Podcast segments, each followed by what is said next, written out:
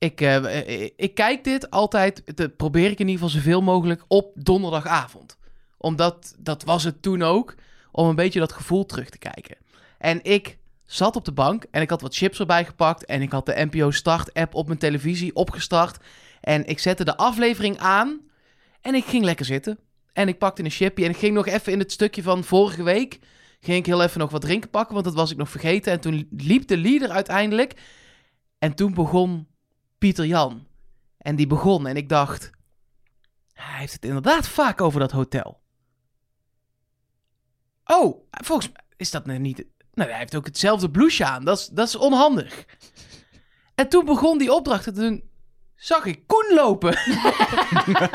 en toen heb ik toch maar heel even aflevering 5 aangezet. Het duurde, duurde even voor je door Het duurde Oh. echt best wel... Ik dacht, nou, gaat hij, heeft hij het nou alweer over dat luxe hotel? Jij dacht, ja, dit is op zich een seizoen wat ik al gezien heb. Dus misschien is dat het. Misschien herinner ik het me. Ja. Maar er zit natuurlijk twee weken tussen eh, eh, dat we kijken. En, maar ik, het heeft echt, denk ik, drie, vier minuten geduurd... voordat ik de goede aflevering heb aangekregen. Je hebt niet eerst gedacht, oh, Koen is weer terug. Wat een twist dat ik dat vergeten ben. Nee, maar de eerste keer dat ik Koen zag lopen in de aflevering, dacht ik... Oh, wacht, dit, dit, dit klopt niet. Klopt niet. Nee. Ja, ik had ongeveer hetzelfde. Ik dacht, ik ga aflevering 5 van het Mexicaanse seizoen kijken. En ik denk, Gilles de Koster, ze praten allemaal Vlaams. Nee, dat is, nee, dat is niet waar, dat is een grapje. Maar voor jou is het echt, echt Ja, het is echt het is waar echt- gebeurd. Ja, waar gebeurt. Wauw. Ja.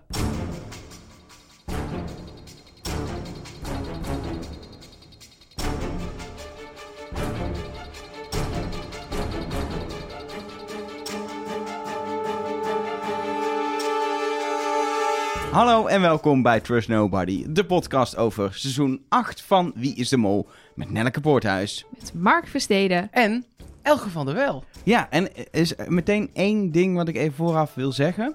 Ehm, hoeveel beweging er in een beeld zit, bepaalt hoeveel pixels het worden. En als je dus kandidaat in een achtbaan gooit, dan zie je werkelijk niks meer van wat er in de aflevering zat. Dus Nee, dat klopt wel, letterlijk ja. hoe, hoe die technologie werkt. Maar hoe hebben we dat toen gedaan? Want ik heb waarschijnlijk teruggekeken welke cijfers ze omhoog hielden, welke bordjes. En dat was dus helemaal niet meer te lezen. Ja, nee, nee dat, want of dat ik was was toen nog ook niet zo- fanatiek, denk ik, dat ik dat... Ik zat Nog gewoon denk ik lekker te kijken. Ja, Jij ging gewoon naar zo'n forum achteraf de, de, iemand die gewoon de echte uitzending had opgenomen, screenshotten of zo, denk ik eerder. ja dat sowieso. En te- televisies waren nog niet per se 56 inch. Maar gewoon 30 inch. Dat is toch al, dat is al makkelijker voor pixels. Ja, want als je ja. dit op je 4K tv gaat kijken, dan blijft er niks meer van Nee, over. precies. klopt. Anyway, we zijn eh, bij aflevering 5, Mark. Het is aflevering 5. Aflevering 5. 5 Ja. van eh, seizoen 8 van, eh, van Wie is de Mol. Ehm, die gaan we bespreken in deze podcast. En laten we ja, ook maar meteen beginnen bij opdracht 1. Tenzij iemand iets te zeggen heeft nog. eh. Nou, ik had wel een opvallende tekst van Pieter Jan hier over het verschil tussen de mol zijn en de mol spelen. Ehm, waar hij nou precies op doelde, misschien op de acties van al die nepmollen die er dit seizoen in zitten, waaronder onze vriend Joris. Nou, vooral, die- vooral die- Joris. Ja, ik wou net zeggen, die, die, die sprak ook hardop uit Ja, dat hij het fout ging doen. Omdat hij anders wel heel erg niet de mol was. ja We komen er vanzelf denk ik op in deze aflevering. zeker. Dat is waar. Dat is waar. Ehm, de eerste opdracht was, eh, was de achtbaanopdracht. Ik zei het al in een paar eh, pixels. Eh, jij bent wel van de pretpark. Zeker. maar sterker nog, jij valt wel eens in ook bij een pretpark podcast. Als een ja, soort heel af en toe. achtste Ja, wiel aan de wagen, zeg maar. ja zeker. Eh, of ja, een achtbaankarretje heeft misschien wel acht wielen trouwens, zal ik te denken. Nee, wel Zo'n meer treintje, ja. ja. Anyway, jij valt wel eens in bij een pretpark podcast. Ehm, die achtbaan, is dit een iconische Mexicaanse achtbaan eh, die daar al eh, 3 miljoen jaar staat? Hij kraakte in ieder geval wel flink in de uitzending. Nee, ja. eh, Nee, ja. Hij, dat, ik denk eh, dat dat wel extra geluid was. Nou, dat was zelfs voor mij als leek was het op, viel het op dat dat erin gemonteerd was. Ja. Ja, ja. Nou, nou zit ik thuis wel eens ook gewoon eh on-rides te kijken. Dat, ik snap ook dat dit is echt suf als, als... Ja, dat is gewoon heel suf. Maar dan zit ik te kijken hoe achtbanen rijden. En dan zit er een camera op het voorste karretje. En dat vind ik dan leuk. En van deze achtbaan bestaat die ook. Ehm, straks komen er nog de, eh, veel meer berichtjes hoor. Maar Dennis stuurde ook een berichtje via Instagram. En dat is ook een pretpark, Gekkie. En die had ook deze achtbaan ook gevonden. Hij heet La Feria Chapultepec Mágico. En ik Mágico. ongetwijfeld Iets met, Bueno. verkeerd uit. met magie, dat je... Zoute achtbaan. Nee, Magico is magisch. Ah. Het ding is inmiddels dicht ook hoor, trouwens. Ja? Hij ja, is, eh, het hele pretpark is gesloten eh, na een dodelijk ongeluk eh, Oh. met een stalen achtbaan in datzelfde park waar de Vlaamse mol eh, is geweest. Die gele achtbaan uit de Vlaamse mol. Kun je Oh, het is zo met... eh, in Mexico ook. Ja, Ja. ja, ja. ja. Ja, dat, dat is hetzelfde Ja. park. Want deze, dat park stond toen nog steeds in Mexico. Ja, nee, Ehm, en da- daar is toen een dodelijk ongeluk mee gebeurd, vergunningen ingetrokken. Maar deze achtbaan, kijk, ze wisten het heel spannend te maken, Mhm. maar het is niet zo'n spannende achtbaan. Het is vooral een rammelbox, dus dat je elkaar niet kunt verstaan. Ik vind houten dat klopt. achtbanen vaak namelijk de minst leuke. Echt? Ja, omdat je dus... Ik hou dus heel erg van... Nou, tot volgende week. Ja. nee, ja, ik hou heel erg van... ehm, eh, trouwens, de Big Thunder Mountain, is dat een houten achtbaan? Nee. Oké, ja, die vind ik fantastisch. Maar deze is dus geen... Nou, ja, zie je? Nee. Maar de, de, de Pegasus in de Efteling vroeger vond ik super irritant. Joris en de Draak, maar beter dan de Pegasus. Maar het maakt zoveel herrie. En je gaat gewoon net niet zo hard als in een stalen achtbaan... die net even wat meer G-kracht heeft en over de kop gaat en zo. Dat vind ik gewoon leuker. Ja, zonder dat dit een pretpark podcast gaat worden, ga wel een keer dan in... Je hebt tegenwoordig houten achtbanen die worden omgebouwd tot een soort stalen achtbaan. In Walibi staat er ook een. Ga dat dan even proberen. Dan heb je echt best of both worlds. En dat is echt top. Oké, maar in ieder geval, dit was volgens mij inderdaad vooral heel veel herrie. Ja, En eh rakken, tukken, tukken, tukken. En als je dan naar beneden gaat, dan vooral rammelt alles. En dan kan je dus niet zo goed horen waar Joris voor allergisch is. Even tussendoor, de Big Thunder Mountain, die wordt aangedreven, waardoor die niet eh, omhoog hoeft te worden getakeld, toch? nee. Oh, dat dacht ik. Dit werd toch geen pretpark, pretpark podcast, Oh, niet? Elger? Ik wou er net over ophouden. nee ik denk, Big maar- Thunder Mountain heeft gewoon een ketting. Wel? Ja, Ah. meerdere zelfs. Maar die nieuwe in de Efteling, die open is nu, Moritz... eh, Max en Moritz? Moritz, die wordt wel aangedreven door Ja. een motortje. En Casey Junior, de enige achtbaan ter wereld waar ik in durf, die wordt ook aangedreven Ja, jij bent bang voor achtbanen. Nou, ik ben niet bang voor achtbanen. Ik kan gewoon niet tegen alles wat met versnellingen en snelheid te maken heeft. Ik, ben, ik kan er niet tegen als jij de, de snelweg opdraait en ik zit in de buitenbocht, ja, zeg maar. ja. Laat Maar staan waarom? achtbaan. Is er iets gebeurd in je Nee, ik, kan er jeugd? gewoon, ik of... kan daar gewoon heel slecht tegen. Tegen, de, tegen dat gevoel. Ik Maar dan wat, moet je kotsen? het Schommel, dat sowieso. De, schommel, eh, schommel. Moet dit nou Ja. voor de luisteraars? Nee, ik vind een schommel al, al, al, al, al... Dit is voor mij genoeg, zeg maar, qua intensiteit. En de drop in de Pirates of the Caribbean. En dan heb ik... Dat is wel mijn max, zeg maar. Was heel grappig. Ik ben een keer met jou... Ja, dit wordt echt geen pretpark podcast. We gaan het zo echt weer over Wie is de ik Mol hebben. Ik, ik wou net een bruggetje nee, doen. ja, sorry, maar, Maar wij nee. zijn dus ooit in Pirates of the Caribbean geweest en er zitten twee drops in. Maar van die tweede, daar had Elger dus geen, geen weet van. dus na die eerste drop zei hij, oh ja, nee, dat, dat, dit, dit kon ik nog net hebben. En toen kwam er nog één. Hey, het is nog erger. Het is nog erger. Ik ben ehm, eh, vorig jaar november ben ik, eh, was ik voor werk in eh, LA. En toen heb ik er een dagje aan vastgeplakt, zodat ik een dagje naar Disneyland Californië kwam, de originele Disneyland. Dan heb je ook Pirates of the Caribbean. Ik dacht, ga lekker in Pirates of the Caribbean. Ik vond het al vrij donker in het begin. En opeens begint die Pirates met een drop die, waar ik me niet... Dat ik normaal ik even Stijl naar zitten beneden. en hou ik me even goed vast. Adem ik nog een keer goed diep in. En die gooit me zo naar beneden. Ik schrok me helemaal de tering. Want ik wist het niet. Nee. Ja, lekker toch? Nou, dat is ongeveer... Dat is Maar heb je, echt wel toen, mijn max. heb je toen die vrouw naast je ondergekotst? Of viel het mee? Nee, ik hoef niet te kotsen, maar ik vergeet dan bijvoorbeeld te ademen. Wat wel echt onhandig is. Dat is wel Ja. essentieel Zou levensonderdeel. ik mee doorgaan als ik jou Ik heb was? als kind letterlijk in een soort bijna hyperventilatie gezeten in de droomvlucht. Vanwege de spiral op het einde, die echt super langzaam gaat. Maar zo, als kind was het nog tien keer erger dan En toen nu. kwam die troll en toen kreeg je een hartaanval. Nee, nee, daar ben ik dan weer niet bang voor trollen. Ik Ja, leef met jou. Oeh, shots fired. Zullen we het weer gaan hebben over deze opdracht? Ja, maar deze opdracht was gewoon niet zo leuk. Dus dan, dan wijk je Nee. snel af. Nee, we gaan, ik ga je er nergens meer over hebben. Nou, dan gaan Elger en ik het erover hebben. opdracht. De opdracht was namelijk eerst, je moest die vragen beantwoorden. Waarbij eh, eh, Dennis natuurlijk als een, eh, als een ware mol het, het bewust fout doet. Zodat maar één iemand uiteindelijk weet wat de daadwerkelijke opdracht eh, eh, wordt. En hij kon het ook makkelijk fout doen, hè. Omdat natuurlijk Joris Baker had geroepen huismeid. Ja, maar ik begreep deze opdracht ook niet zo goed. Hier komt weer naar voren dat we vaak niet te horen krijgen wat niet mag.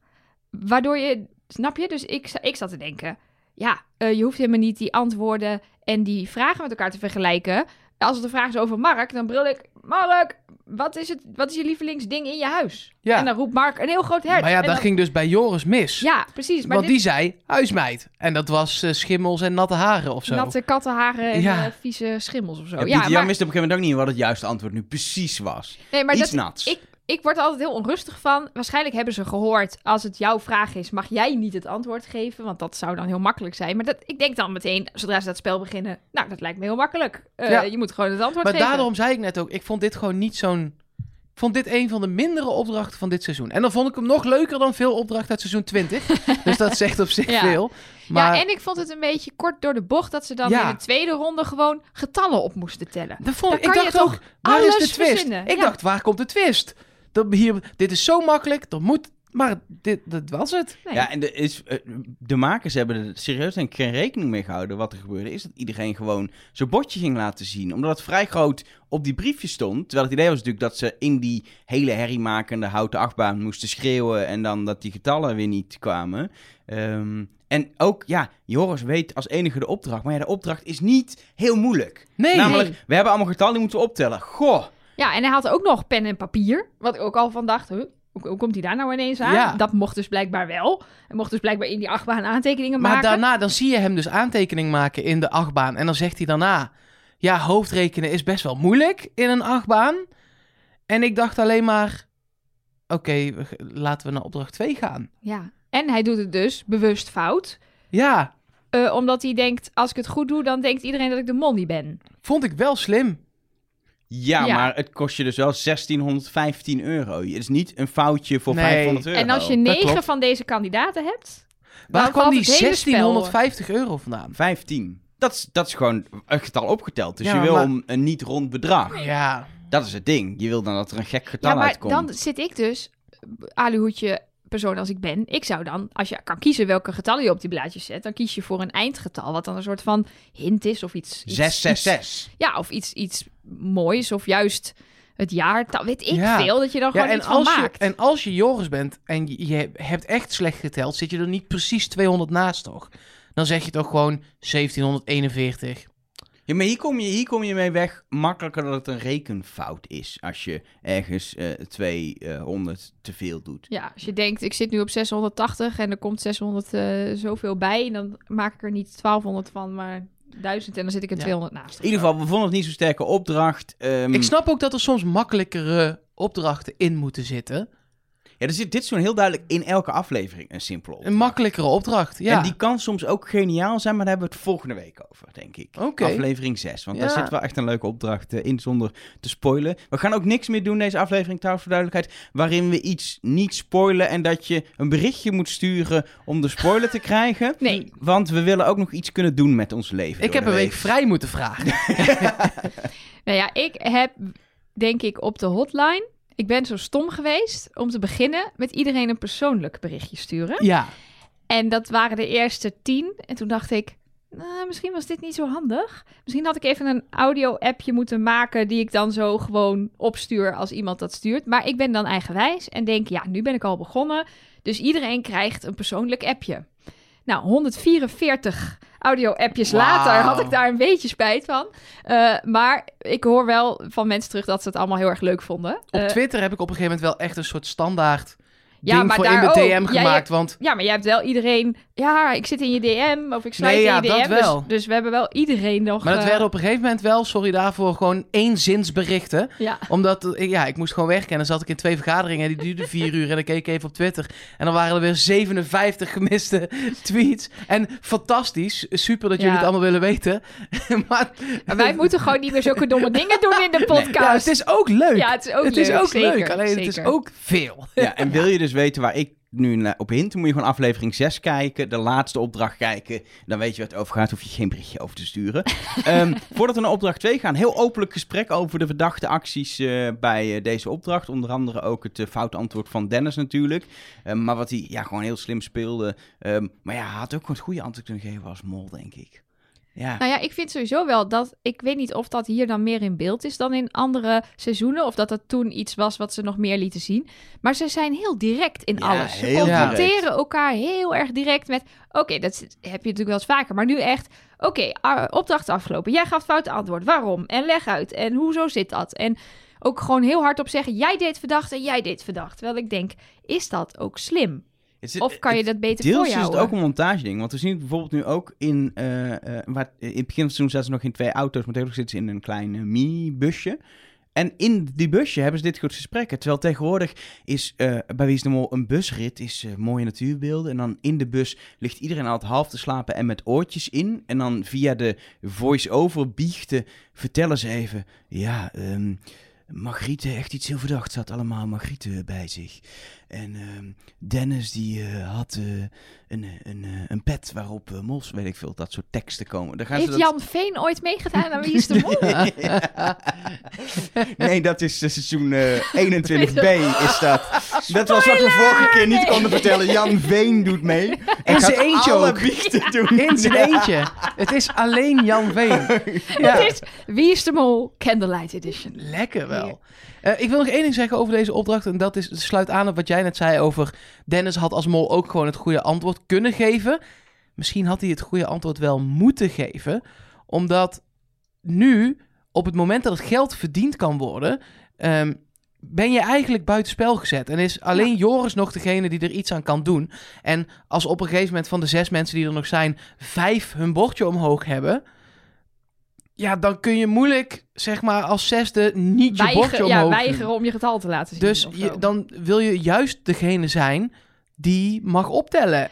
Nou ja, misschien is hij is die daar dus ook wel ehm, een soort van genaaid door de slimmigheid van zijn medekandidaat. Want misschien had hij wel bedacht, ik roep gewoon een ander getal dan dat er op mijn, op mijn briefje staat. Dan is het altijd fout, het optellen. Ja, Ehm, maar als iedereen zijn briefje omhoog gaat houden, ja, dan kan je niet weigeren. nee, dan ben je weer... Misschien was ja. dat wel zijn idee. Dat hij gewoon zei, ja, als er 316 staat, dan roep ik eh 361 en dan is het fout. Of 613. Draait gewoon om. Ja. Cijfertjes. Ehm, opdracht 2. Ja, dit is een beetje raar. Want er is, zeg maar, we hebben eh, eigenlijk één hele lange, meerdere stages hebbende... Is dat een goed woord? Stages? Meerdere fases, Fases. hebbende opdrachten te pakken voor de rest van de aflevering.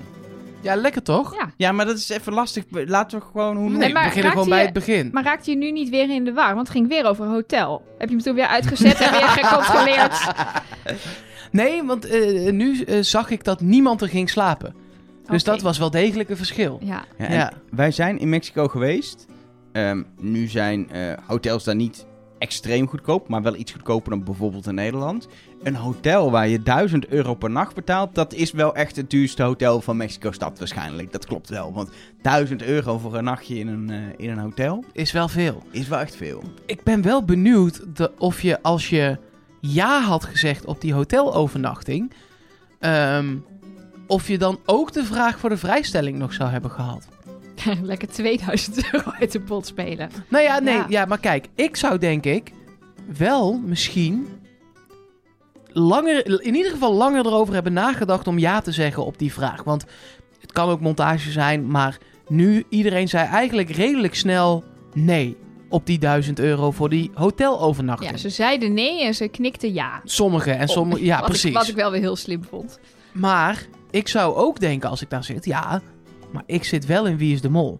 Dus wat krijg ik voor die 1000 euro tijdens die hotelovernachting? Oh ja, dus jij zou denken, eh, dat zal vast niet alleen maar een nachtje slapen zijn. Nee, want daar is iets- 1000 euro wel te weinig voor. Eh, Liggen er dan 10 jokers op mijn kamer? Oh ja. Ligt er een hele topo? Eh, daar zou ik wel over na. Ik vond dat ze redelijk snel nee zeiden. Maar, Ja, maar ik denk ook dat je het, dat je ja, ik denk, ik zou het ook niet doen hoor. Ik zou er ook denken van, ik zou eigenlijk juist denken, ah, dit is nog maar vraag 1. Dit, dit kan het niet zijn. Ja, maar daarom ben ik ook heel benieuwd of je, Ja. als je antwoord had gegeven eh, met ja op die hotelvraag, of je dan ook nog de vrijstelling Vraag zou krijgen. vraag zou krijgen. Ja. Ja, sowieso was het natuurlijk een beetje, wie heeft die volgorde bepaald? Want Doenja kreeg als eerste het aanbod voor de vrijstelling. Ja. Dus die had de eerste kans. Daarna, die zei nee. Waarom begrijp ik niet. Ik zou het echt doen. ja, Meteen dat- doen. een vrijstelling van 1000 euro, jongens, ja, kom op. Eh, maar goed, zij deed het dus niet. We spelen niet voor artispunten, hè? Eh, verkeerde, verkeerde land, sorry. Maar ja, daarna zei Regina ja. En de rest heeft natuurlijk geen kans meer gehad. Toen kwam natuurlijk wel de opdracht dat ze dus de vrijstelling nog af konden pakken. Dat maakte het iets eerlijker. Maar ik ben ook wel benieuwd, hebben ze gewoon loodjes getrokken? Of hebben ze daarover nagedacht? Ze hebben waarschijnlijk sowieso erover nagedacht dat Dennis richting het einde moet. Afhankelijk van of de vrijstelling er dan al uit is of niet, kan hij hem dan in ieder geval Ja, want hij pakt hem. Als, Ja. Zoals zij zijn rol als, mol, als kandidaat speelt als Ja. mol zijnde, zou die ja zeggen. Dat weet je gewoon. Maar Dus als hij als eerste wat had hij ja moeten zeggen, dat is niet leuk. Dus stop je hem een beetje Maar aan ze het einde. je weet ook dat als Patrick de vraag had gekregen, had hij ook ja gezegd. Ja, Ja. Ik, vond het al, ik vond het al bijzonder dat Patrick geen ja zei op die, op die hotelkamer. Ja. Dat was de enige wat ik dacht. Die zegt ja op die kamer. Lekker liggen. Ja, Ja. want eh, stel je voor dat je... In een dat hostel je, moet. Ja, dat je met je handen ook over de gang moet lopen en dan eh, moet douchen waar andere mensen ook wel eens Wat? hebben gedoucht. Een diva, sorry. Maar ik vond het wel... Zo erg is een hostel nou toch ook weer niet, jongens. Ze hadden nog gewoon een bed, hè? Ja, Een stapelbed, oké, maar wel, je hebt gewoon een bed. maar wel met een heel dun dekentje, Mark. Ja, lekker toch, in zo'n warm land als ja, Mexico. Dat leek mij ook. Maar goed, dat, eh, ik, eh, ik, ja, ik, ben, ik heb echt... Ik, toen ik, in Mexico, ik heb dus in Mexico gewoond drie maanden. Ik heb drie maanden lang op een eh, slaapzaal in een hostel geslapen. Ja, prima. Ja, ik vond dat prima. Ja. Maar goed, ik was wel ook 21. Dat zou ik nu niet meer zo snel doen. En je deed hetzelfde trucje als wat zij deden. Gewoon wat biertjes, Mexicaanse biertjes drinken voor je gaat slapen. Zodat je gewoon lekker slaapt. Een coronaatje. Lekker. Ja, lekker. Lekker Heerlijk coronaatje. Ja, dat was deze hele opdracht. Uiteindelijk pakt eh, Regina eh, de vrijstelling voor 1000 euro. Nou, dat is niet waar. Dit was niet de hele opdracht. Nee, ja, ofwel, ja, de halve opdracht. Dat bedoel ik nou, daarom vind ik Ja. dit zo ingewikkeld. Nou, Dat was dan de halve opdracht. wij Eh, vragen al, al jaren om opdrachten met meerdere lagen. Nu krijg je meerdere lagen en nu zit je te zeuren Ja. dat het ingewikkeld wordt. Elge, we krijgen meer. Wat wil je nou? Ja, we krijgen meer klachten over jouw wispelturigheid. Heb je een heel seizoen in China lopen klagen, eh, of trouwens eh, al jaren in de podcast lopen klagen, dat er allemaal alles of niks opdrachten zijn? Hebben we het erover dat er hier eindelijk geen alles of niks opdrachten zijn? Begin jij te beweren dat je dat het helemaal niet zo was? Nou, het zijn non-stop alles of niets opdrachten in deze aflevering. En volgens mij volgende week ook en de week daarna ook en de week. Het is alleen maar nee, alles dat is of niet waar. Die opdracht waar jij het niet. net over had, was ook kleine beetjes. Dat is de enige. Ja, dat is toch niet alle dan? Nee, oké. Oh, ja, sorry. Zie, kijk, we lullen hem gewoon weer helemaal vast. Lekker. Ehm, in, in ieder geval, ehm, Regina heeft eh, eh, een vrijstelling, eh, maar die moet ze gaan verdedigen in ja, het vervolg van deze opdracht. Maar eerst gaan ze leren pokeren. Kan iemand mij alvast spoilen voor welke aflevering ze leren pokeren? Volgens mij voor aflevering 12 of zo. Want ik heb geen idee waar dit nog in dit seizoen terug gaat komen. Is dit, was dit echt een soort manier om Dennis makkelijk bij dat gokken te kunnen krijgen? Want daar hebben ze het natuurlijk later over. Ja, dat, dat dacht ik wel. Ik weet dus niet meer of er nou nog een pokeropdracht in zit. Ik weet het ook niet zeker. Komende eh, aflevering. Nee, Zoals gaan ik we al achterkomen. zei, ik dacht dus dat het heel... Dat niet dat het heel saai. Ik dacht dat het saaier zou zijn om het terug te kijken, omdat ik alles nog wel wist. Maar ik weet echt een derde van de afleveringen nog. En de rest lijkt voor mij ook weer volledig nieuw. Dus dat is wel fijn.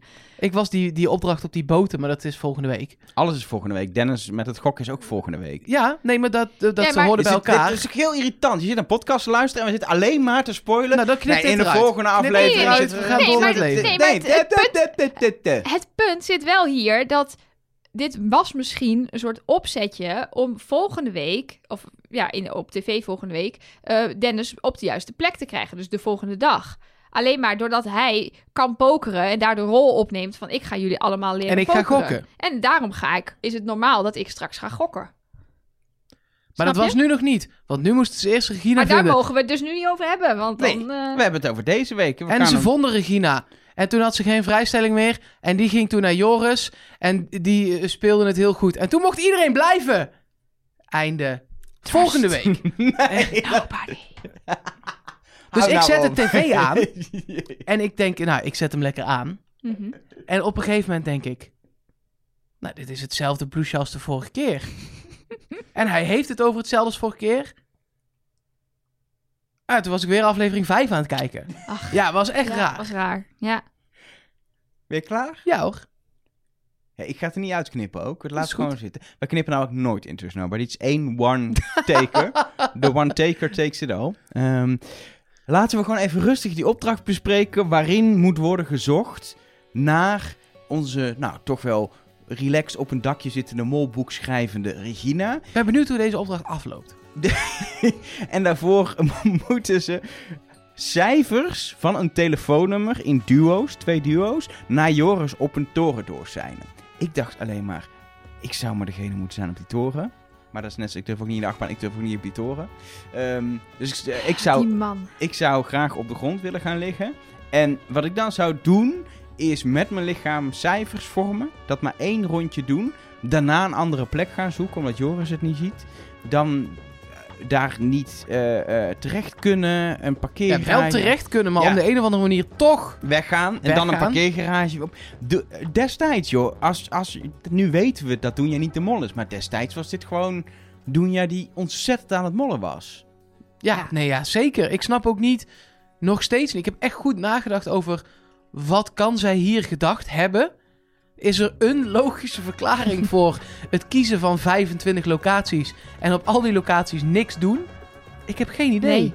Het- ik vond het ook zo. En het is vooral. Kijk, het iets doen wat tijdelijk is, zoals het met je lijf een cijfer maken, is al niet zo handig. Dan kan je dus inderdaad beter gaan plakken. Want dan kan Joris op elk moment de cijfers nog zien. Maar als je dat al gaat doen, dan is de enige tactiek is dat in een loop doen anderhalf uur lang. Ergens gaan liggen en aan één stuk door, als het goed is, weet Joris met welke cijfers een telefoonnummer 5, begint. 5, 5. Precies, dus dan weet hij op een gegeven moment, ah, hier komen twee vijven. En dan, zelfs als hij dat niet weet, dan kan hij nog wel volgordes opschrijven. En, En, dat maar dan moet je dus op zijn meest 10 nummers bellen. Ja, dus dat is ook al veel werk. Maar laten nee, maar we... dat, is, dat, dat zou nog. dat zou dat nog heb je in 10 minuten gedaan. Ja, zeg maar, precies. Als het Maar- moet. Als jij niet kan communiceren met Joris of hij dat ziet, ja of nee, dan is dat de enige manier. Blijf gewoon die cijfers maken.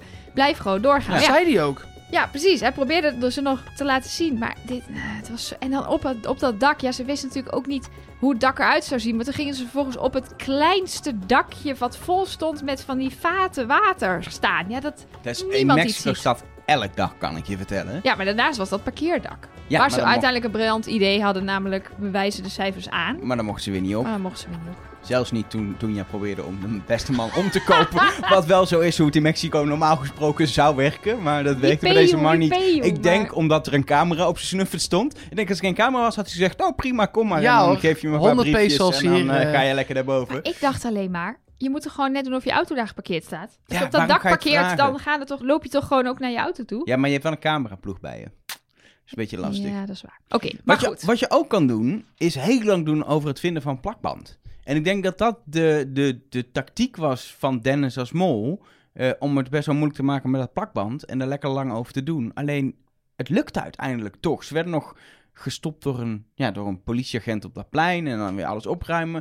Maar het ging gewoon te goed volgens Edo. mij. Ja, mochten er geen cijfers plakken, was een of andere begrafenis of zo. ja, dat is een beetje raar, hè? Als je dan ineens midden in je begrafenis doet een Mexicaans telefoonnummer op de straat hebt Met een, met, met een cameraploeg erbij en alles. Dus ja, oké, ik begreep het wel. Maar de politie was weer de mol. Ja. Ja. maar hij had dus... Uiteindelijk vond hij Regina met 1 minuut 23 op de klok. Had hij het nog langer kunnen rekken? Ja, nee, ja, de, mijn wedervraag is, klopt die tijd? Ja, oké. ja. Het was wel close, want Regina wilde wel weten hoe laat is het nu. Eh, dus hij- het was niet dat er nog 20 minuten over Nee, waren. nee, dan had nee, ze nee, het ge- zeker. Dan had ze het geweten. Ehm, ja, Ik had bij deze opdracht ook heel erg, wat ik pas op een gegeven moment door had, of begreep, dat ik dacht, oh, volgens mij als één groepje Regina vindt, is het al genoeg. Ik dacht eerst dat ze allebei de groepjes het moesten eh, Dat dacht eh, ik ook. vinden. En dan kan Dennis het natuurlijk ook nog goed doen. Ehm, Oh ja, en en, dan... dan- is de rest is er niet, want Toenja en Patrick is gewoon het meest slechte duo sinds Ernst, Bobby en de rest. Wat geen duo is, want er zit een rest in, maar dat even terzijde. Ehm is een leuk grapje. Niemand die even... Ik doe een leuk grapje en dan niemand die even lacht. Nee, je deed een grapje. Oké, in ieder geval. ehm, daar moet ik dan weer het was lachen. daardoor. Het was, het, het, Sorry, het, Sorry Elge. Ja, het was daardoor. Was het een soort vrij makkelijke opdracht, omdat het soort dubbele kansen waren. En dan Ik had laat dus, de mol het slagen. Maar ik had, we hadden in eerste instantie ook helemaal gemist dat er nog geld verdiend kon worden. dat had ik dus ook. Eh, eh, eh, Da- want ik, is ik niet dacht, gezegd. Is niet Nee, gezegd. Nee, maar nou, dat wilde ik dus zeggen. Ik teruggespoeld, want ik dacht, ja, wij weten nu dat Dennis de Mol is, tuurlijk. Maar eh, als het alleen om die vrijstelling ging, ja, dan kun je je best doen. Maar nu ging het ineens ook nog om geld. Ja, ik had dat dus ook volledig gemist. Want voor mijn molpuntensysteem dacht ik... ik hoef deze opdracht niet te scoren. Want er is geen geld mee gemoeid, dus dan laat ik het. Want het maakt de mol echt helemaal niet uit wie Nee. die vrijstelling Ja, heeft. Ik dacht dus dat ze wel die 1000 euro dan terugverdienden. Oh, dat ja. dacht ik. Dat het gewoon weer gesetteld wordt op nul. Maar die 1000 euro die gingen dan weer wel uit, omdat de vrijstelling toch in het spel... Ik vond het allemaal... Ja, als de vrijstelling gebruikt werd, dan kostte die nog steeds 1000 euro. Ik vond het wat dat betreft... Het was, het was al met al gewoon niet zo'n sterke aflevering. Nee, maar televisiemakers, televisiemakend snap ik wel waarom eh, Regina gevonden moest worden. Dus misschien heeft hij wel helemaal niet zo getreuzeld, want er moest iemand blijven. Ja, ik had ook het gesprek op de hotline, volgens mij, ik weet even niet meer met wie, maar dat het hulpje, zeg maar, het hulpje van de productie, waar we het wel vaker Ja. over hebben gehad, dat je als mol te horen krijgt, vindt Regina, want dat is tof, want dan krijgen we dat hele spel met eh, de vrijstelling en er moet ook een keertje niemand weg. Dus dan is de kans het grootst dat dat lukt en dat er inderdaad een aflevering is dat niemand naar huis gaat. Anders moeten we weer iets bedenken om dat in de volgende aflevering klaar te spelen. En ik weet, ik, ik geloof wel in dat ze altijd een ander scenario op de plank Zeker. hebben liggen. Ze gaan er niet vanuit dat dit sowieso gaat lukken. Maar ja, ik zou me kunnen voorstellen dat ze tegen Dennis zeggen: Je mag hier gewoon je best doen. En eh, probeer haar maar te vinden. En als het lukt, heel fijn. Het is wel Ja. gewoon meer dan de helft van de aflevering die je daarmee gewoon niet meer een spel maakt. Echt een spel met een mol. Ja, ja dat is het. Maar goed, dat het- is wel waar. Ik weet is- ook, we weten niet of het zo is gegaan. hè? Nee, dat is Dat is mijn is, eh, vermoeden. Want als ik kijk naar mijn, naar mijn molpuntensysteem, dat, dat was deze aflevering best, eh, best ingewikkeld. Eh, want bij de achtbaanopdracht, ja, antwoordde iedereen fout. Dus iedereen een plusje, behalve Joris. Die kreeg een minnetje. Eh, Waarom?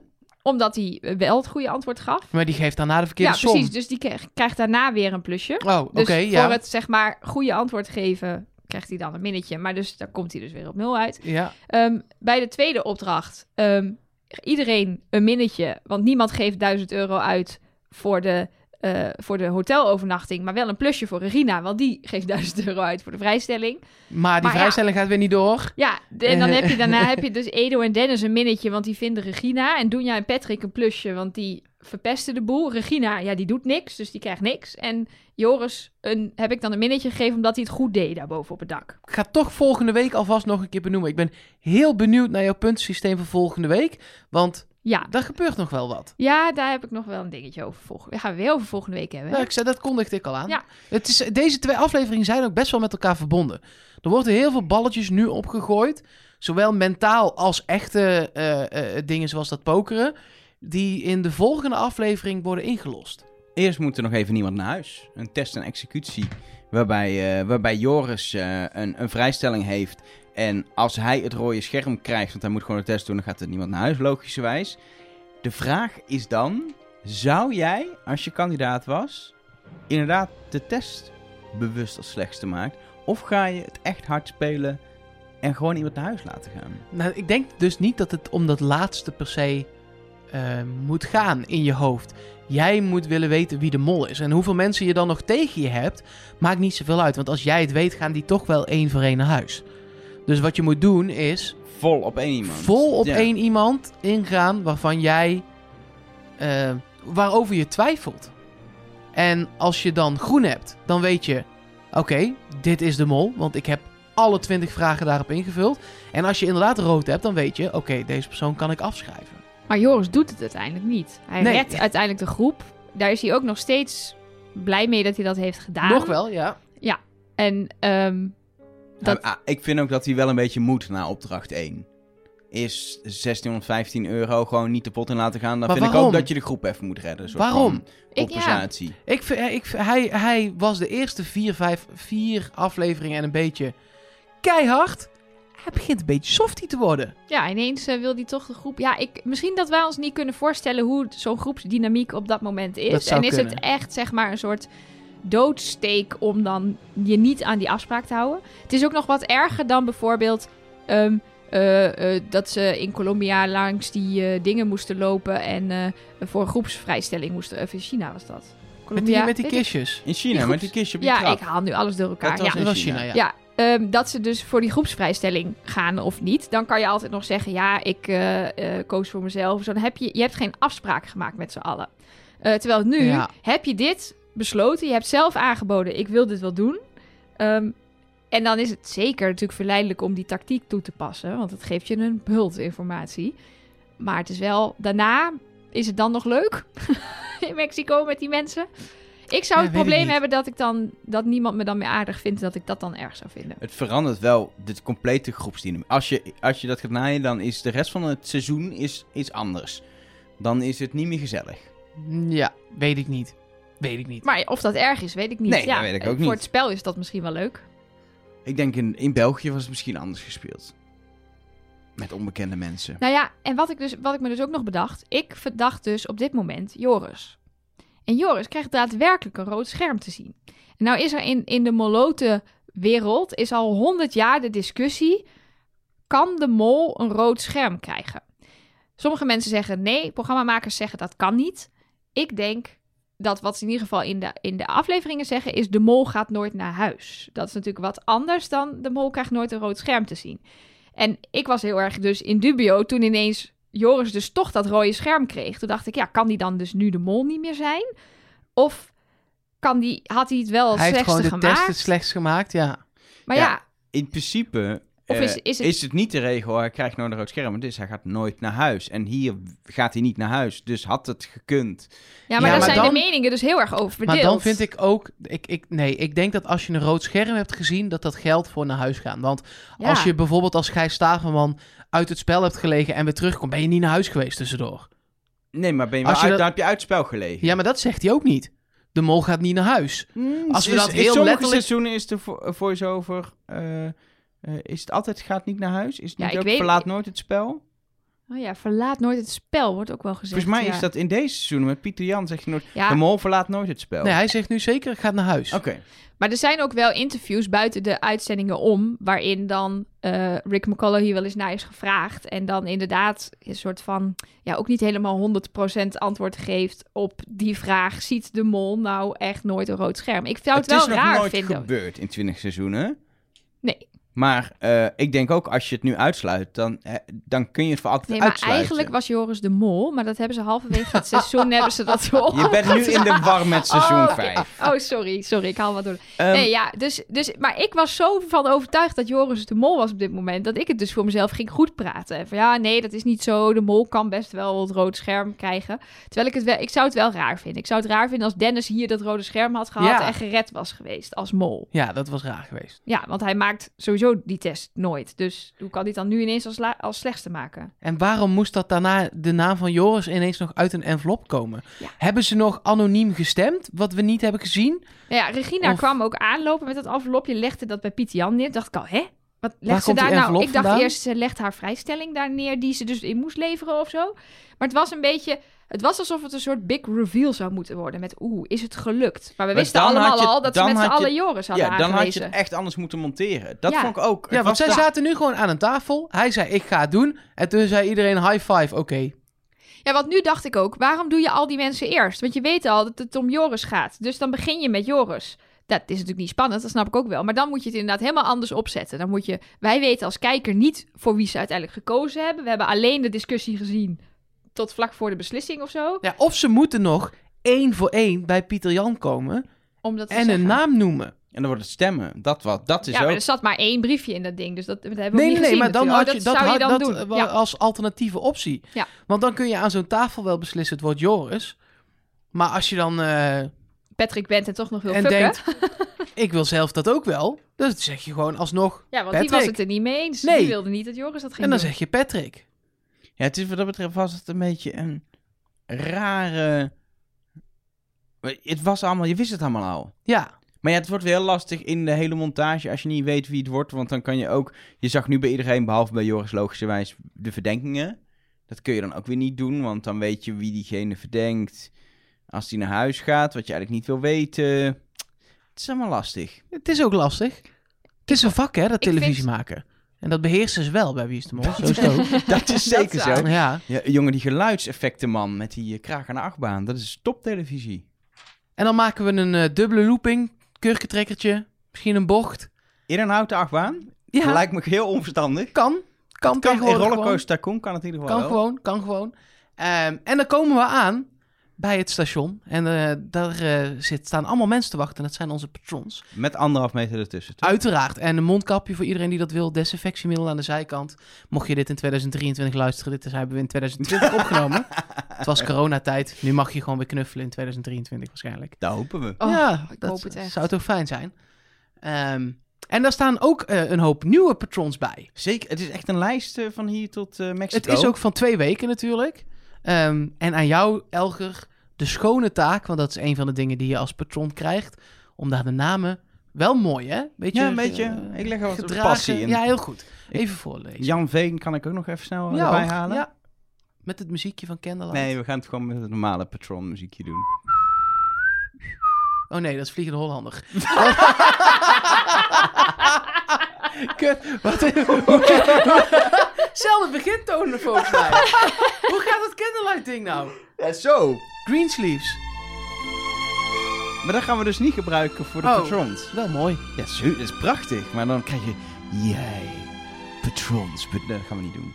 Volgens mij heb ik dat al eerder een keer ook gedaan met Greensleeves. Oh, dat zou kunnen. We gaan het gewoon doen met, eh, met het normale De eerste patron is M uit H. dat zegt hij altijd als hij gedichten Oh, ja. gaat lezen van iemand. Oh ja. Een liefdesverklaring van M uit H. Nee, eh, we hebben eh, liefdesverklaringen eh, richting ons van Anouk, van Martijn Klink, Dianne Hemmo, Nathalie Brel, Carnaval Festival, Dr. TP, Jorren, Oké. Kim, Lieselot. Waar zit je nou mensen Nee. uit te lachen? Nee, nee, ja, god. Ga door. L- Linda Ro, Carnaval Festival. Jur Peppels, Marieke van Aert, Dielke Zweer, Katja Grimberger, Luciano Sandvliet, Yildau, Frank Vlasman, Molfriek Arno, Matthijs Zuidema, Juri, Daphne in the Trees. Ja, die zit in de bomen. Bijzondere naam. Annelies Jonas. Takkenwijf. Dit kan niet, maar ik Ja, kan nu, sorry. je, kan nu je excuus Sorry, aanbieden. sorry. Nee, maar dit, Sorry. Daphne heeft nu gewoon een persoonlijk grapje van Mark. Hoe cool is Ja. dat? Ja, dat is waar. Love Daphne. Ehm Annelies, Jonas en Karsten. Die betalen maar 2 dollar per maand, want dat doen ze met z'n drieën. Eh, Jorien, Julia, Laura, Alexandra Mees. En dat was hem. Lekker. Dank ik wou jullie nog wel. doorgaan, maar op een gegeven moment houdt het op. Ja, maar dit, zijn, Eh, dit is alweer vet veel. Dank je wel. Ja, eh, en als je ook eh, ons wil steunen, kan het via patreon.com slash nobody.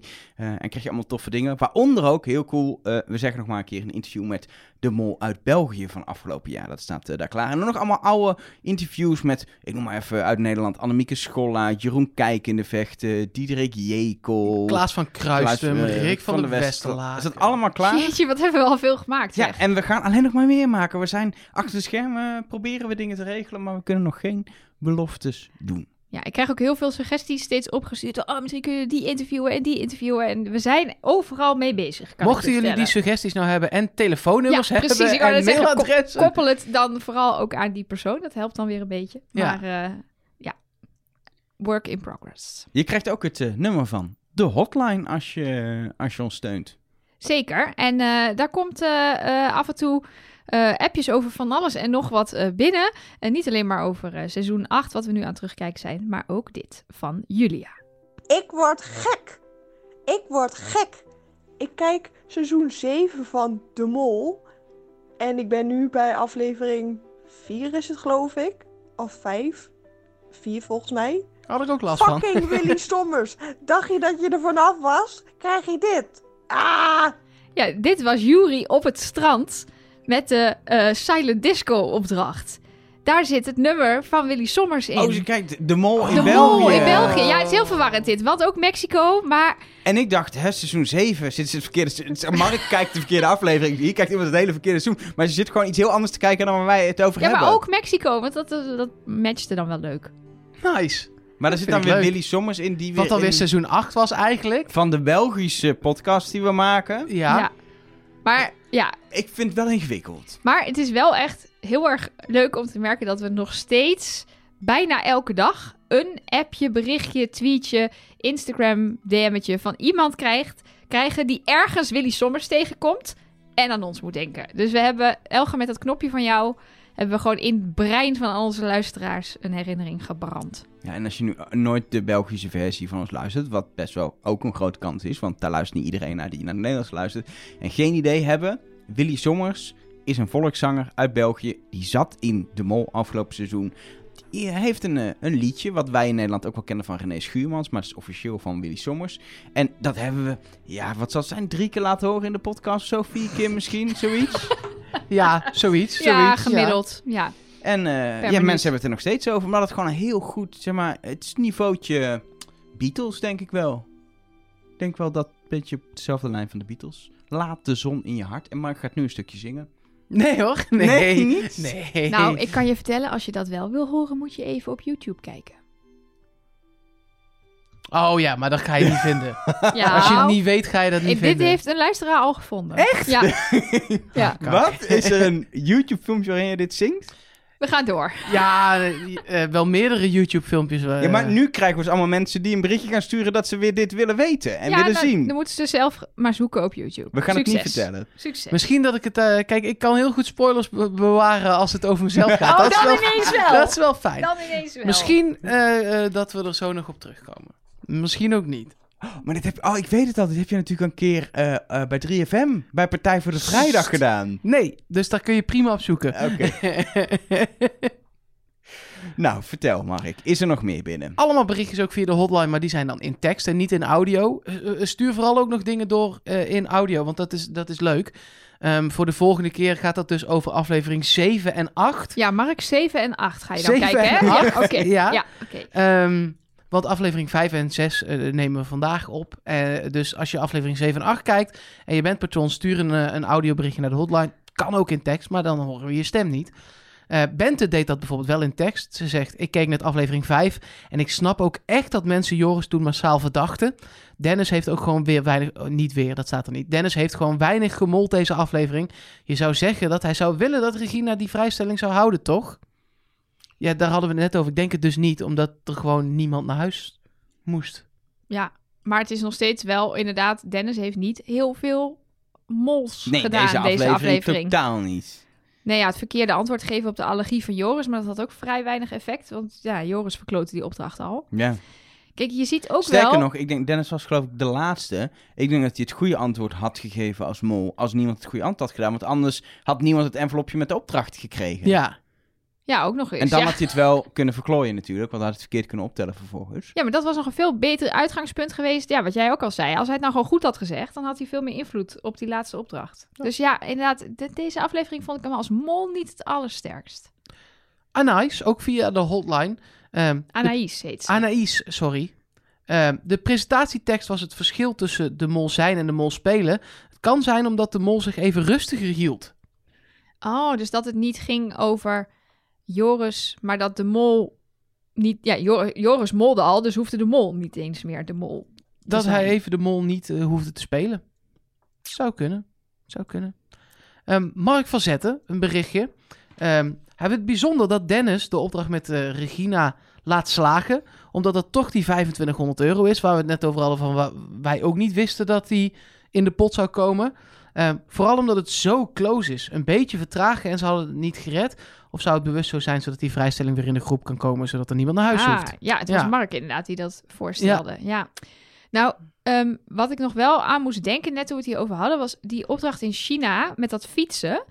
eh, waar Rob, eh, dat Nathan uiteindelijk op tijd binnenkomt met hulp van Rob, die natuurlijk de mol was. Dat Rob ook zei van ja, ik had het eigenlijk verwacht dat hij het net niet zou redden, maar het was heel moeilijk te timen. En toen ging het nou, net goed. Dat, kan hier, dat is hier natuurlijk ook als je in die taxi zit.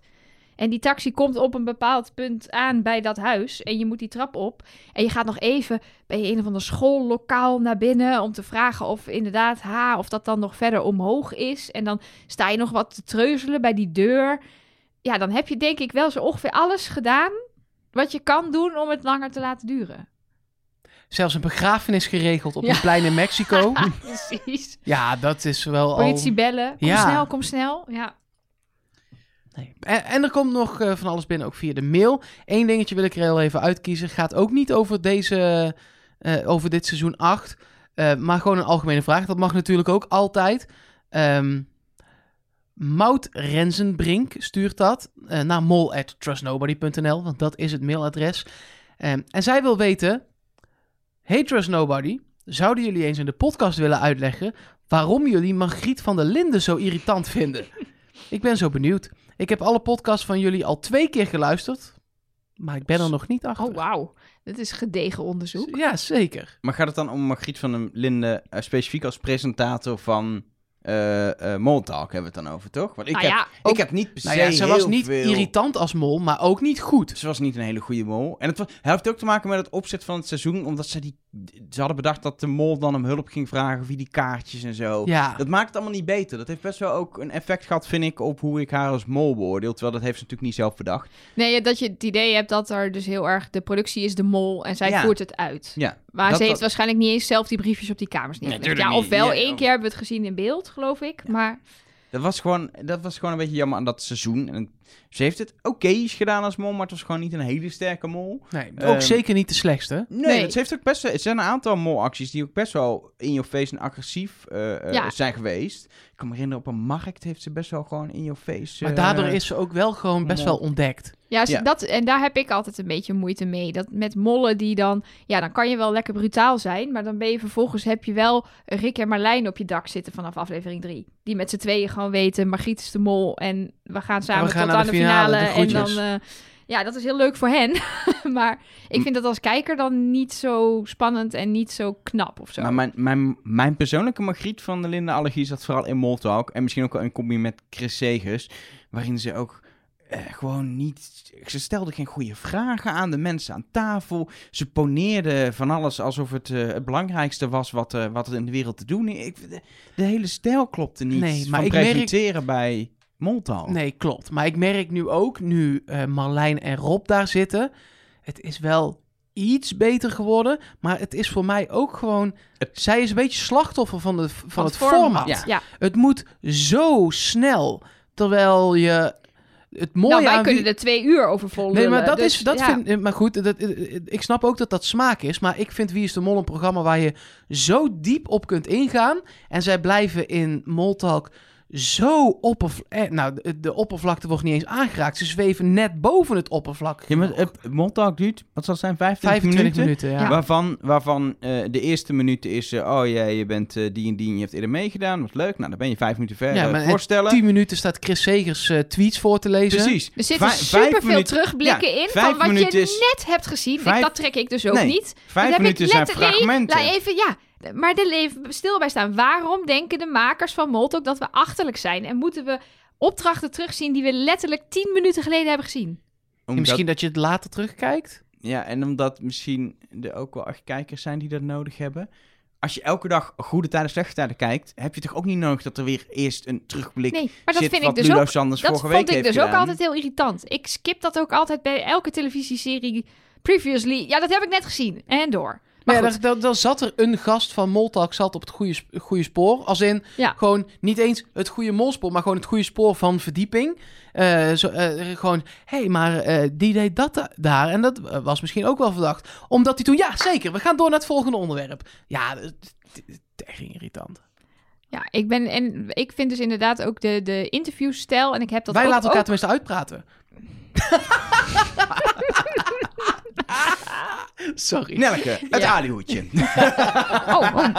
Nee, maar wat, wat ik ook nog, en dat heb ik ook bij haar andere programma's, maar dan ergert me, het me iets minder, omdat het me wat minder aan het hart gaat dan Moltalk en, en dit programma en, en Wie is de Mol. Maar zij, wat jij net ook al zei, Elger, ze stelt geen vragen. Ze gooit een soort van onderwerp in de ether. Zij zegt En- gewoon friet. Ja, maar, ja, maar het, het kan letterlijk zo zijn. Ja, Patrick. Dat is. Wat, we, we moeten blijkbaar dus nu over Patrick hebben. En dan krijg je dus ook dat die drie zitten dan, dus die drie, die oud-deelnemers zitten dan inderdaad zo een beetje in hun aantekeningen te kijken en zeggen: Ja, ja, Patrick, ja, oh, ja, ja, die had geen vrijstelling. Klopt. Dat wordt dan echt het niveau van. Nee, het is gewoon goed Want- gezien. Zullen we Zij- het eens proberen of hij... Oh! Wat doe jij nou? Dit is pas mollen. Elge gooit zo een glas water recht over de hotline heen. Echt een vol glas. Maar de hotline is waterdicht toch? Of is het een hele oude iPhone? Dit is een hele oude iPhone. Die is niet water. Ik ga even een doekje halen. Gaan jullie anders Moltalk nadoen? Dat was eigenlijk mijn voorstel. En dan ga ik een doekje pakken pak even een ondertussen. Ja, dat is goed. We kunnen het aluhoedje wel vast doen, hoor. Nee, die is veel te leuk. Ik heb iets heel leuks voorbereid. Oh, oké. Ja. Doekjes. Ja, kom maar dan hier met die doekjes. Oh, Oké. Alles is nat. Oh, mijn eigen telefoon ook. Ah. Dus Zullen we weer verder gaan? dit is wel het bewijs dat we nooit iets uit deze podcast knippen, volgens mij. Ik, ik heb de keukenrol is nu op. en ik heb alleen nog het rolletje. Dan weet je dat. Dit is echt irritant, Mark Versteden. Nou, we bespreken een oud seizoen daar met heel veel pixels. Maar misschien kunnen we ook klinken alsof we in 1929 dit Dan moet je met koffiebeetjes doen, hè? Oh, ja. Koffiebekertjes. Mark, doe even weg. Nee. We gingen, Oké, ging- we ik gingen een poging doen om Moltalk eh, te imiteren, was het idee. Oh, wou je dat nog gaan doen? Ja, ik dacht over deze aflevering doen we dat dan. Maar dan, wie is dan wie? Ik ben er niet. Ik ben de cameraman. Oké. Ik ben, ik ben Margriet, eh, ik, ben wel Ma- Eh, actie. ik ben wel Margriet van der Linden. Nou, doe dat lijkt me voor. goed kloppend. Doe ja. het eens voor. Goedenavond en welkom bij Moltalk. Oh, ik heb een nieuwe rol bedacht voor mezelf. Ik ben de irritante kijker in het publiek. Wie? Die dan, Henk. die dan met een keukenrol in het publiek Ja. zit te tetteren. Hé, hey, Margriet, je kan het. Hey. je kan het. Volgens mij Oh. worden dat soort mensen er vrij snel uitgezet. Misschien moeten we dat nu ook even Jij bent doen. toch gewoon een gast? Jij bent toch gewoon oud-kandidaat van Wie is de Mol? Ja, zeker. Diederik Jekel ben je. Oké. Vind ik wel qua hersencapaciteit redelijk op niveau bij jou passen, Ja. toch? Oké, goedenavond dames en heren. Welkom bij Moltalk. We hebben hier in de studio Diederik Jekel. Diederik. Hallo. Patrick. Nee, Diederik. Maar Patrick. Nee, ik ben, ik ben Diederik. Maar we zagen Patrick. Deze aflevering. Die- ja. En nu nog een keer, want je moet een fragmentje instarten, toch? Nu? Oh, oh ja, we gaan even kijken naar Patrick. Nou, Diederik. Patrick. Ja, nee, dat was Patrick. ja, Ja, ik, nee, ik zag het. ja. En geen vrijstelling hè, voor Patrick. Niet? Nee. Oh, kunnen we nog één keer kijken dan? Want dan heb ik het, verkeer- heb ik het verkeerd gezien, denk Nou, ik. dit is ook dit is wat, ja, dit is ons punt met Margriet van der Linden en Moltalk. Volgens mij eh, kunnen we door naar serieuze Hoe vond je mijn. Diederik Jekel? Goed, hè? Ehm, qua, vrij diep qua stem wel. Ja? Ja, nog wel. Mark, was dit het qua, qua mailtjes? Zeker. Ja, dit was het voor nu. Dan eh, zou Margriet van Linden zeggen... Nelke, alihoedje. Ja, eh, maar Nu moet je dus met hele slechte theorieën aankomen die nergens op slaan. Nou, hè? dat is sowieso het- idee van dit blokje, toch? Ah ja, dat is waar. Finland ja. bestaat bijvoorbeeld niet. Dat hebben we al geleerd. Ehm, nou, ik had eigenlijk dus iets over eh, Disney en Disneyland en zo voorbereid. Maar dit is al veel te veel een Nee, pretparkpodcast. juist. Dat, lekker in thema. Dit is Trust Nobody, de pretpark-editie. Ja, zal ik dat dan maar Ja. gewoon gaan doen? Als je hem bij de hand hebt, ja hoor. Ik, eh, ja, ik had hem voorbereid, maar ik dacht, ja, dat doen we dan niet, want we zouden geen pretparkpodcast worden. Maar, nu worden we een halve pretparkpot. Oké. Voor één keer. voor één keer. Nou, want deze... Volgende keer pakken we... Wat is een andere populaire niche? Wielrennen. Volgende keer maken we Oh een nee, nee, nee, wielrenpodcast nee, nee, nee, van. nee, nee, nee, nee. Volgende, ik ga het geen seconde over wielrennen Andere hebben. populaire podcast niche? Eh, true, Zelf- true crime. Of zelfhulp. Zelfhulp. Mark's diepste gevoelens eh, laten blootleggen in een podcast. Lijkt me wel mooi. Oké, doen we dat volgende keer. Maar vandaag eh, dus iets over Disney. Volgens mij heb ik dit ook al eerder geteased. Klopt. Dat er een eh, Disney eh, conspiracy is. Eh, en ik kreeg dit ook van veel mensen getipt. Onder andere van Stan en van Mark en van Dennis. Allemaal mensen die, eh, die eh, ja, ook soms, sommige zijn, hiervan zijn ook pretparkgekkies. En eh, hebben zich hier even verdiept. Niks gekje aan. Jij- jij noemde- zei toen jij zei net... pretpark ja, dat gekkie. is een ding, je mag het zelf wel zeggen, maar andere mensen mogen het niet zeggen. Oké, sorry. Jullie zijn pretparkfanaat? Liefhebbers, Liefhebbers. Lief- liefhebbers, oké.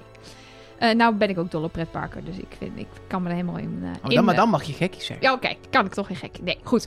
Het punt is... Nee, jij kijkt niet allemaal onrights op YouTube en, en luistert naar urenlange podcasts over pretparken, toch? Nee, dat is waar. Dan maar ben je ik geen ga... gekkie. Oké, maar wat ik wel vaak doe, of af en toe doe, is met Mark naar een pretpark. En dan luisteren leuk. naar alle verhalen die Mark dan als gekkie uit die podcast En en, daarvan genieten. heeft. Ja, precies. Vind ik eigenlijk leuker dan het pretpark zelf ook. Daarom, het pretpark wordt echt leuker als je met Mark gaat. Dat, dat, is, ja, dat is waar. maar Dit goed, is geen uitnodiging. Voor iedereen. Als iedereen als je toch daar, toch je, trakteert. als je daar Ja, nou je baan van zou kunnen maken. Gewoon Ja, betaald, elke dag met Rondlopen, mensen ja, dat is wel goed, Disneyland. Disneyland. Ik heb een, een- er is eigenlijk een soort heel scala aan allerlei ja, urban legends, eh, broodje aap verhalen eh, rondom Disney, Walt Disney, Disneyland. En ik heb er dus een aantal verzam- verzameld. En de, de, de grootste complottheorie is namelijk dat Walt Disney niet dood is, maar ingevroren. Hij heeft namelijk ehm, in, eh, hij is in 1966 overleden. En hij heeft in die tijd ehm, contact gehad met een bedrijf in LA dat mensen invriest. En hij heeft daar toen zijn eh, interesse in uitgesproken.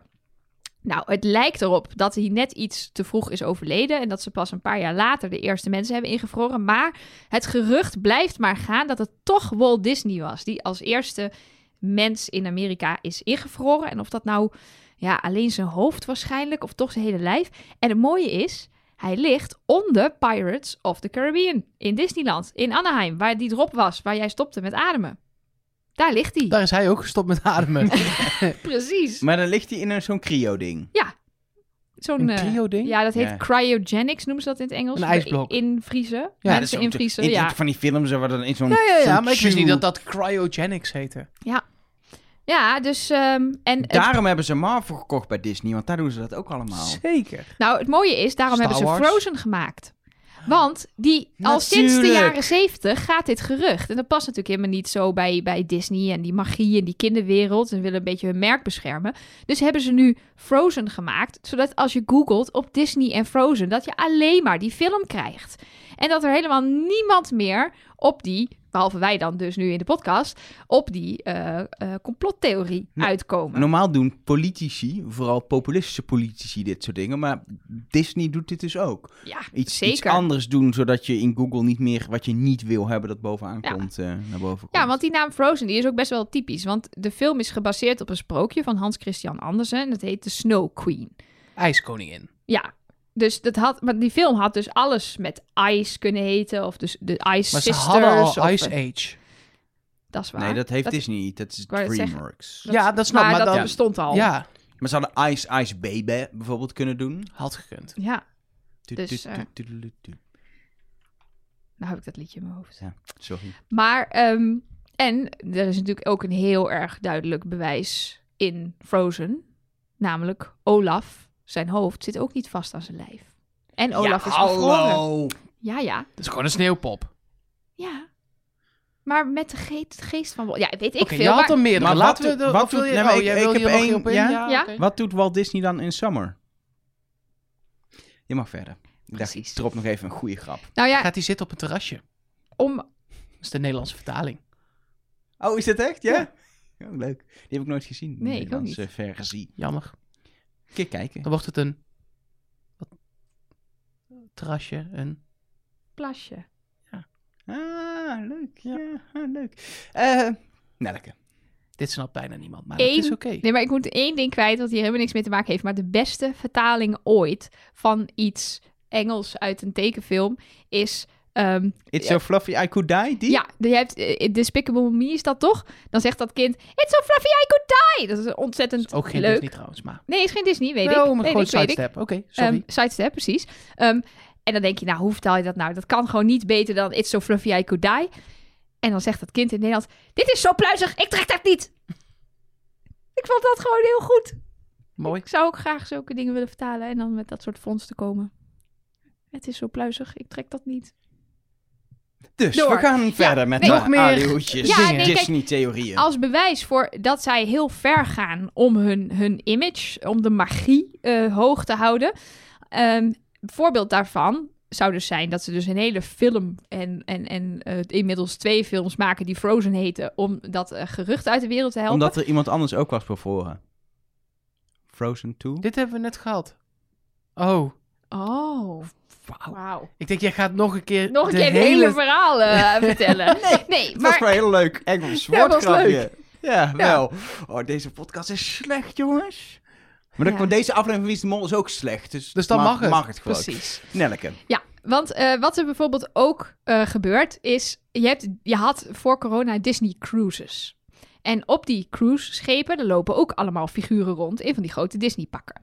En dan heb je dus ook een water goofy, dus een watergoofy. Die hangt rond bij het zwembad en die zit ook daadwerkelijk in het zwembad. In het contract van de persoon die in die watergoofy-pak zit, staat: mocht jij verdrinken, dan halen we je eerst in dat pak uit dat zwembad naar de backstage. En dan pas gaat dat pak uit. En krijg je ehm, eh, bijvoorbeeld, eh, hoe heet dat? Eh, Reanimatie. reanimatie. Want dat gaan we, we gaan je niet in de, voor de ogen van kinderen uit dat pak halen. Want dat is, dat is te heftig voor die kinderen. Dat ze Goofy zien verdrinken, dat zal dan wel weer eh, niet heftig zijn. Maar dat is, gaat soms best wel ver in wat die mensen wel en niet Waren mogen jullie doen. erbij de laatste keer in Disneyland Parijs tijdens de parade dat een van de een van die zussen in die gekleurde jurken die op een Segway-achtig ding, eh, hoe heet zo'n omni eh, Zo'n hoverboard. ja, precies. Die, die rijden dan op zo'n, op zo'n ding voorbij. En eentje die, die was zeg maar een beetje gewond. En die bleek achteraf er enkel gebroken te hebben. Maar die heeft de hele parade op dat hoverboard met een Oh. gebroken enkel gestaan. Auw. fuck? Nee, daar was ik Daar niet was bij. ik maar... ik niet bij. Nee, dat had ik me wel herinnerd. Ze- ja, die gaan, En wij gaan stonden dus- zo'n beetje aan het eind van de parade. Dus ze was bijna klaar. Maar het was echt met een van pijn vertrokken Oh. gezicht. Met één been op dat hoverboard. En toen vroegen wij ons af... Wat zou er met haar aan de hand zijn? En ze werd ook geholpen overeind. Nog geholpen door een andere... Jezus, castmember dus zo die ver daar gaan werkt. ze dus met, Ja. oké, magie, het moet allemaal magisch blijven. Ja, en, daar eh, betaal ik godsam ook 100 euro per keer voor. dat is waar, dat is waar. Ja.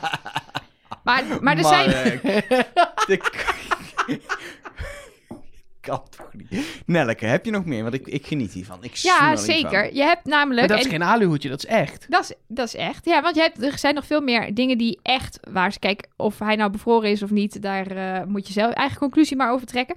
Maar er is bijvoorbeeld een geheim genootschap, Club 33. Ehm, dat is een, eh, club, een heel gebouw. Dat staat aan eh, New Orleans Square in Disneyland Park in Anaheim. En dan mag je alleen maar naar binnen als je lid bent van die club. De, je moet daarvoor gevraagd worden.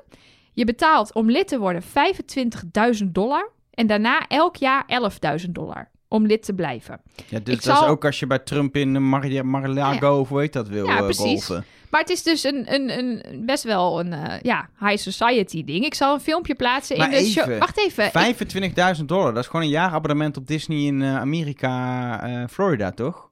Dat is gewoon hoeveel het kost. 25.000 dollar. Ongeveer, toch? Je hebt zo'n abonnement, Mark. Nee hoor. Dat is toch echt wel heel veel geld? Nee, duizend. Ja, precies. Dollar dat voor een gewoon abonnement. 25.000, 1000, Ja, is allemaal en veel. dan nog 11.000 per jaar. Dat is gewoon heel veel geld, hoor. Ja, joh. En ik zal een filmpje plaatsen in de show notes met een rondleiding in die club. Dus zo geheim is het niet, hoe het eruit ziet en zo. Ja, en het is leuk, maar is het het dat Het is echt een statusding, Ja, dat denk is ik, met toch? al dat, soort dingen. Dat En heb- ik je weet hebt in niet, ik ben daar Amsterdam niet heb je zo ook dat gevoelig voor. Soho House Oh, ja. tegenwoordig. Dat is ook heel internationaal. Dat is ook zo'n, dat is, we hebben dat niet zo'n gentleman's club, maar dat is een beetje een gentleman's club. Daar zitten ook de BN'ers en zo.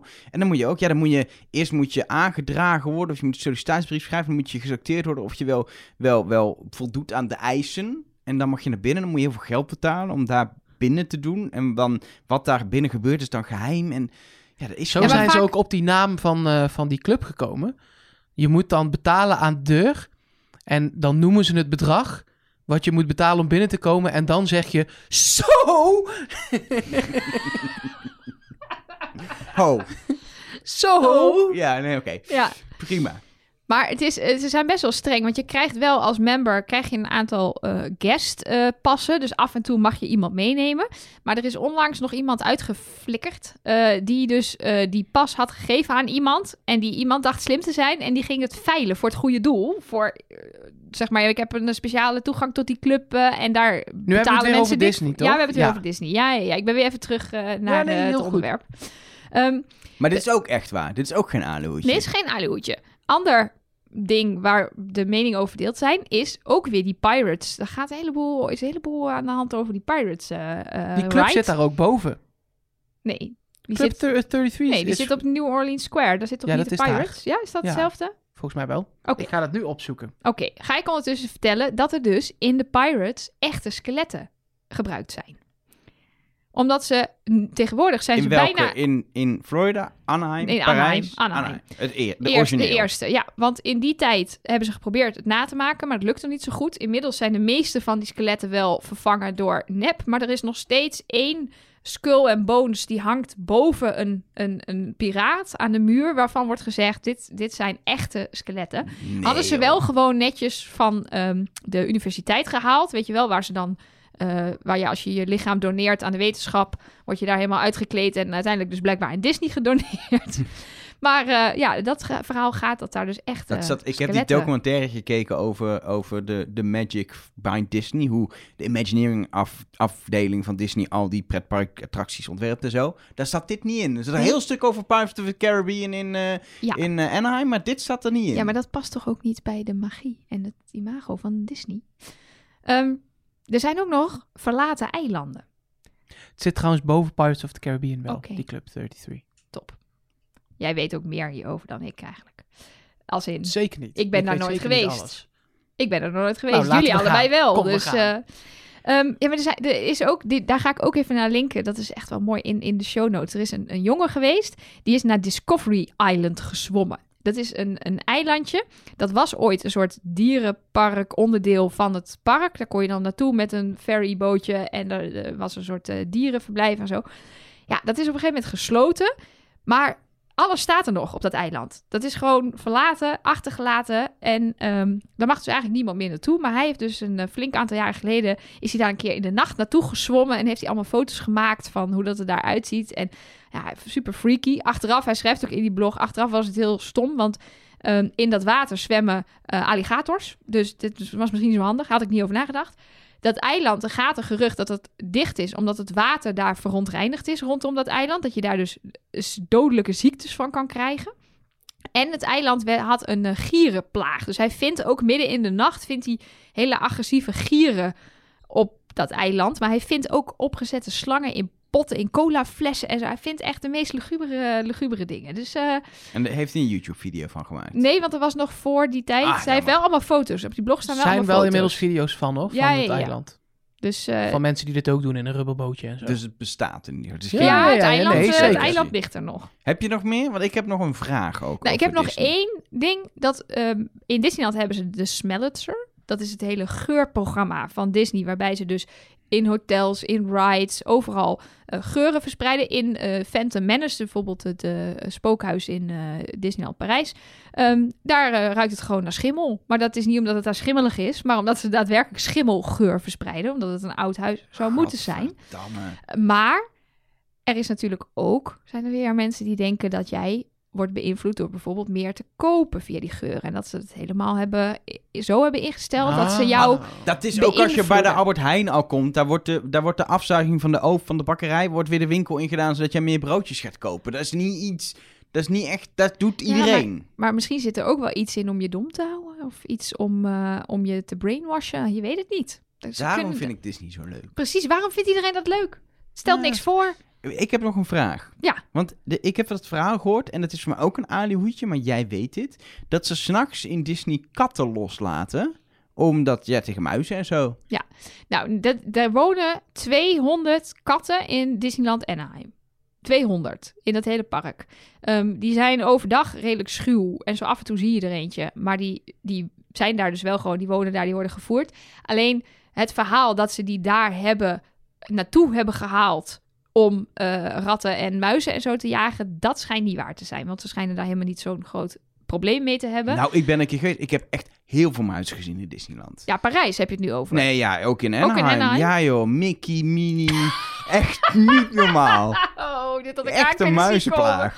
Dit had ik aan kunnen... Ik had het niet door. En ratten ook in Parijs. Ratatouille. Ja.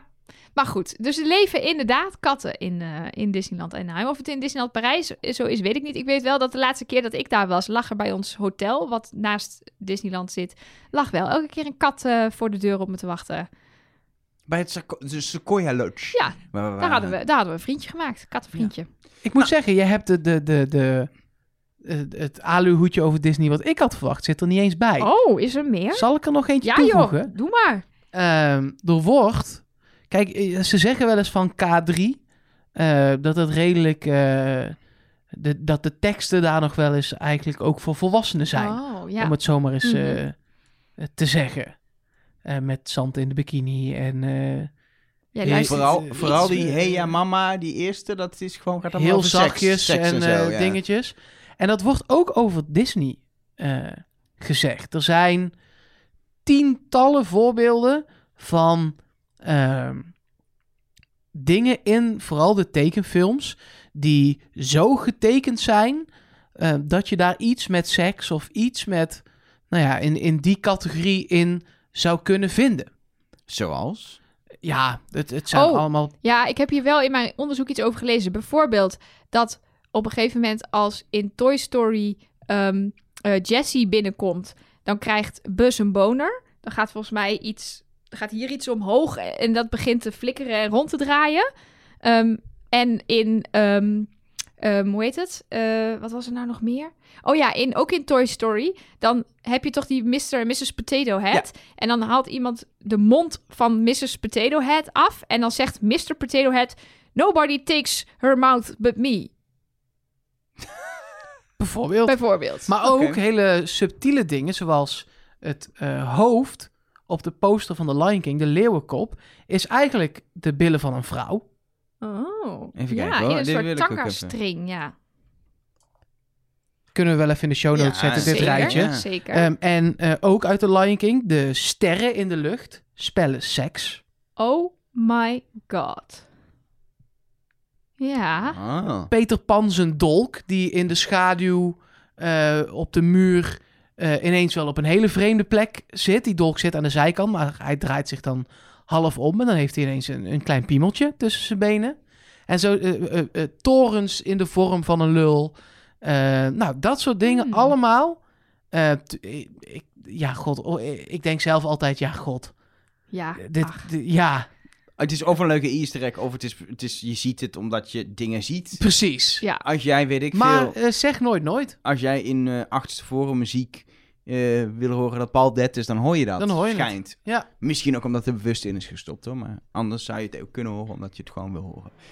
We zijn in ieder geval eh, door dit leuke Ali-hoedje heen. En dat niet alleen, we zijn ook door deze aflevering van Trust Nobody heen. Het zit erop. Volgende week eh, aflevering 6. Jullie weten ongeveer al dat er van alles in gaat zitten. Wordt een leuke aflevering. Dus ehm, tot dan. En tot die tijd stuur vooral ook eh, berichtjes en mailtjes en faxjes en dingetjes. Het faxnummer, Mark.